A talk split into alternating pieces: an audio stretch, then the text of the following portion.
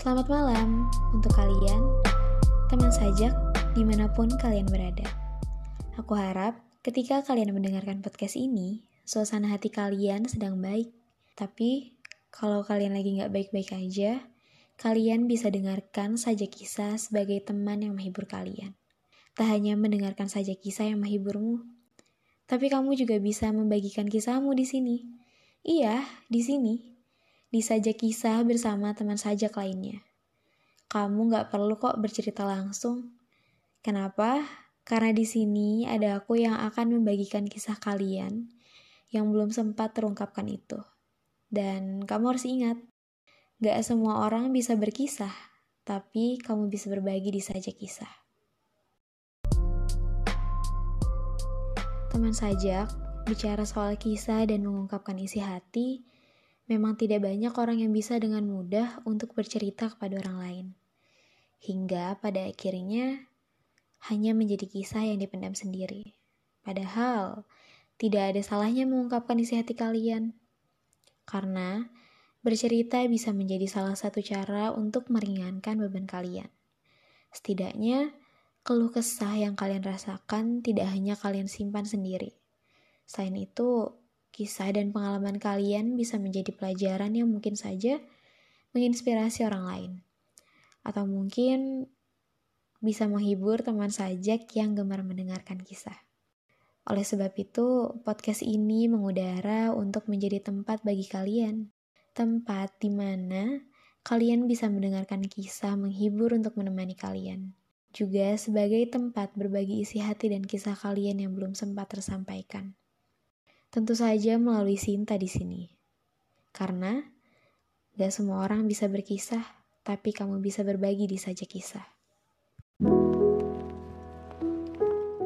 Teman sajak, dari tadi, aku menyinggung seputar mengungkapkan isi hati dan bercerita. Tapi, apa kalian tahu alasan mengapa mengungkapkan isi hati dan bercerita itu penting?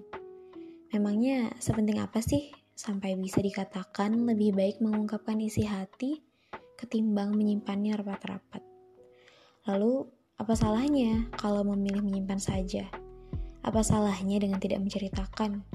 Bagaimana kalau cerita kita malah membebani orang lain? Terlalu banyak pertimbangan yang ada di benak kita, hingga akhirnya muncullah satu kesimpulan. Ah, sudahlah, simpan saja untuk diri sendiri. Semua prasangka itu memang bisa saja benar, tapi memendam keluh kesah, kesedihan, dan hal lainnya sendirian bukanlah pilihan terbaik. Kali ini kita bicara soal kesehatan mental. Mental yang sehat sangatlah penting bagi kalian. Juga aku sih. Dan faktanya, setiap orang butuh didengar dan mengungkapkan isi hatinya. Entah itu tentang cerita, pikiran, atau bahkan pengalaman sedih dan senangnya.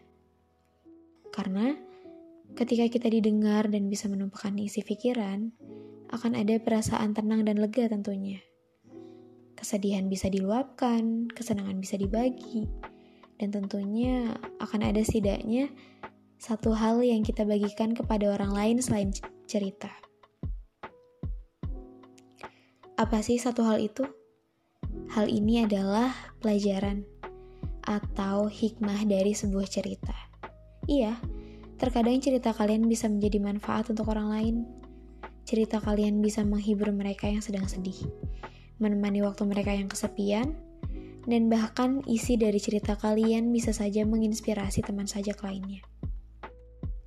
Maka dari itu, bersama saja kisah, kalian bisa berbagi sedikit dari banyaknya kisah di perjalanan hidup kalian. Memberanikan diri bercerita walau melalui tulisan. Tulisan yang akan tetap aku sampaikan secara lisan kepada teman sajak. Kalian, sebagai pemilik cerita yang menginspirasi banyak pihak, dengan setiap pelajaran yang bisa diambil dari cerita kalian. Lalu aku, aku sebagai perantaranya, dan teman sajak lainnya sebagai pendengar yang akan menikmati setiap bait sajak dari kisah yang kalian titipkan.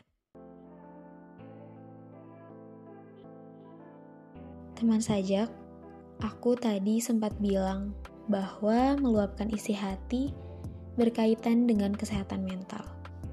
Mungkin kalian pun sudah tahu bahwa salah satu penentu kesehatan mental yaitu berasal dari pikiran yang positif. Dan untuk menjadi orang yang selalu berpikiran positif itu bukanlah suatu hal yang mudah. Ada banyak faktor yang pada akhirnya akan menggiring kita pada pemikiran negatif hingga akhirnya kita jadi overthinking.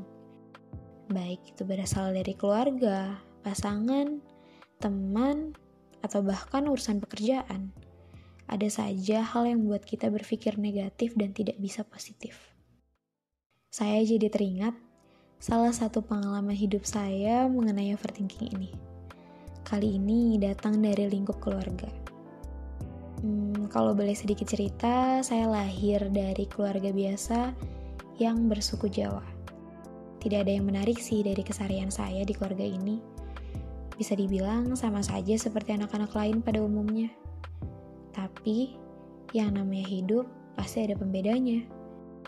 Jauh-jauh kehidupan manusia, buah dari satu pohon saja belum tentu matang di waktu yang sama. Makanya, pasti ada saja yang berbeda. Kalau tidak salah, sekitar 10 tahun lalu, kata berbeda adalah kata-kata yang saya rasa adalah kata yang paling tepat untuk mendefinisikan hidup saya beberapa pertanyaan yang paling sering saya pikirkan adalah, mengapa hanya saya yang dibedakan? Kenapa harus berbeda? Kenapa nggak disamaratakan saja? Hmm, kata berbeda adalah kata yang saya definisikan untuk diri saya sebagai anak sulung. Ya, pada saat itu aja sih. Kalian tahu kan, katanya anak sulung perempuan itu harus kuat dan bisa menjadi contoh untuk adik-adiknya harus bisa ini itu, harus mengalah, harus bisa ngomong. Ah, dan masih banyak harus-harus lainnya yang saya sendiri sampai bosan mendengarnya. Bosan sekali rasanya setiap hari diingatkan tentang kewajiban sebagai kakak dan anak sulung. Pada beberapa titik, saya kesal dan muncul pemikiran egois. Muncul satu kata di pikiran saya seperti, kenapa harus saya yang jadi anak sulung? Nyatanya, saya kan gak pernah minta dilahirkan sebagai anak sulung. Kalau diingat-ingat lagi, sebenarnya saya malah ingin tertawa sih. Coba deh kalian pikir, memangnya siapa yang bisa memilih hidup mau jadi anak keberapa? Ya, pokoknya saya ingat sekali dulu saya kesal pada beberapa hal sepele yang menurut saya nggak adil aja gitu waktu itu. Kenapa cuma anak sulung yang harus selalu mengalah kalau adik gak setuju sama sesuatu? Kesannya kayak dunia tuh berputar mengelilingi dia aja. Kayak semua hal tentang adik saya pasti diiakan aja sama ibu bapak. Lucu sebenarnya. Kalau diingat-ingat lagi, saya bertengkar dengan adik saya tuh cuma karena hal sepele, perebutan mainan, iri cuma karena adik saya diberikan sesuatu sementara saya enggak. Sampai akhirnya saya sering ngambek. Dan juga sering kena marah sama ibu. Karena nggak mau ngalah dengan adik sendiri. Ya waktu itu adik saya memang berbeda tiga tahun usianya dengan saya, jadi ya bisa dikatakan perbedaan usia yang gak begitu jauh. Dan menurut saya kayak kenapa sih dibedain terus kenapa sih dia dibelain terus? Ya waktu itu seperti itu sih pemikiran saya. Bisa dibilang saya lebih banyak kesalnya waktu kecil tuh. Dan mungkin bagi kalian yang juga berada di posisi sebagai anak sulung pernah memiliki momen-momen seperti itu dan pernah merasakan serta berpikir seperti itu. Uh, beranjak dewasa permasalahan tuh pasti berubah kan permasalahan kita pasti jadi lebih kompleks karena lingkup lingkungan dan hal-hal yang harus difikirkan pun jadi lebih luas lagi dari sebelumnya. Dan kali ini bukan tentang mengalah lagi, tapi tentang pilihan hidup. Singkatnya, saya mulai memikirkan tentang masa depan saya seperti anak SMA di usianya yang sudah mulai memikirkan akan lanjut ke mana, dan memilih jurusan apa. Pada saat itu, saya merasa tekanan yang datang lebih berat lagi. Bukan lagi tentang ngalah soal mainan atau cemilan snack jajanan sama adik. Tapi fase ini adalah fase di mana saya harus bisa menjadi contoh yang baik untuk adik-adik saya. Terutama dalam hal bersikap, bertindak, dan urusan akademik. Intinya, hmm, pada saat itu saya harus bisa masuk PTN dan kalau bisa harus dapat beasiswa supaya meringankan beban. Saya pikir pasti sulit sekali untuk mendapatkan itu semua. Fakta yang saya pikirkan saat itu adalah untuk diterima PTN saja sudah sulit. Saingannya pun pasti banyak. Lalu bagaimana bisa saya dapat beasiswa jika nanti di sekeliling saya ada banyak anak yang lebih pandai dan berprestasi. Ah, lagi-lagi kata harus yang saya dengar. Dan lagi-lagi pemikiran tentang kenapa hanya anak sulung yang dibeginikan. Hmm, tapi saya tahu itu semua pasti ada tujuan baiknya. Pada akhirnya, semakin dewasa, saya bisa memahami alasan-alasan kenapa saya dibedakan dari adik-adik saya sejak kecil. Bukan cuma soal belajar memegang tanggung jawab, tapi memang kewajiban saya sebagai si sulung yang harus lebih memahami keadaan. Hal-hal yang dulu saya anggap nggak adil, sekarang bisa saya pahami maknanya. Ternyata, pada akhirnya saya tumbuh dan berkembang menjadi saya yang sekarang. Ya, karena perbedaan yang saya dapat sih. Saya jadi versi diri saya yang mandiri.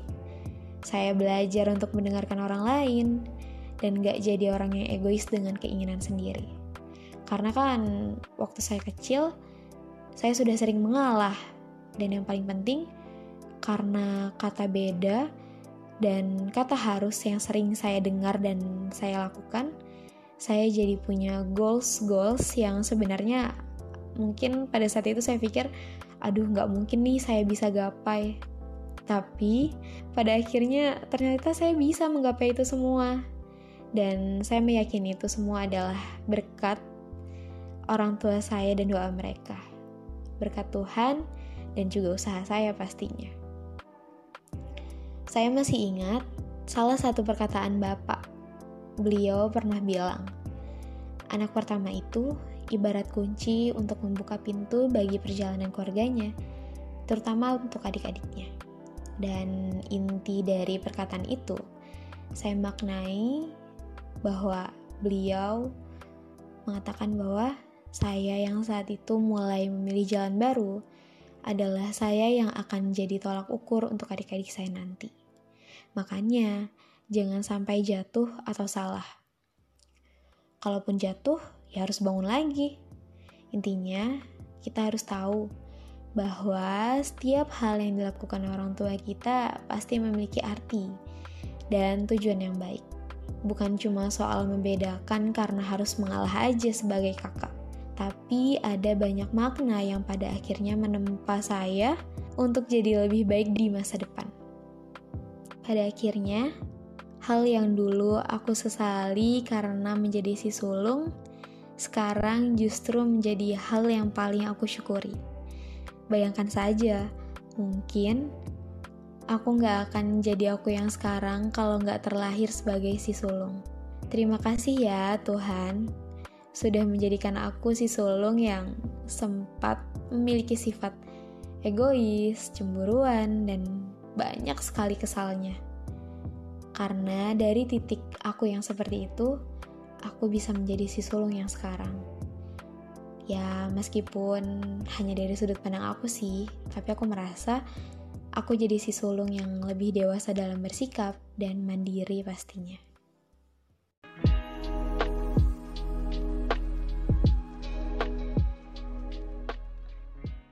Teman sajak, siapa sangka ada hal-hal yang kita kira negatif dan membuat kita overthinking malah jadi sesuatu yang sangat positif untuk kita di masa depan. Sesuatu yang mengesalkan ternyata bisa jadi sesuatu yang sangat bermanfaat untuk kita. Ya intinya, Setiap orang pasti mengalami prosesnya masing-masing. Jadi nggak perlu merasa bahwa diri kita adalah orang yang paling disulitkan. Karena pada akhirnya kita akan dapat minimal satu pelajaran dari masalah yang kita alami. Terakhir, kita harus bersyukur sama setiap hal yang terjadi di hidup kita. Ingat ya, Tuhan itu maha baik yang punya banyak rencana indah untuk hambanya. Ah, jadi cerita soal aku, tapi semoga aja ada satu hal baik yang bisa kalian petik dari cerita ini. Dan besok, yuk kalian juga ceritakan kisah kalian yang mungkin saja bisa jadi pelajaran untuk orang lain. Orang lain itu ya pasti teman sajak di sini. Karena gak semua orang bisa berkisah, tapi kamu bisa berbagi kisah di sajak kisah.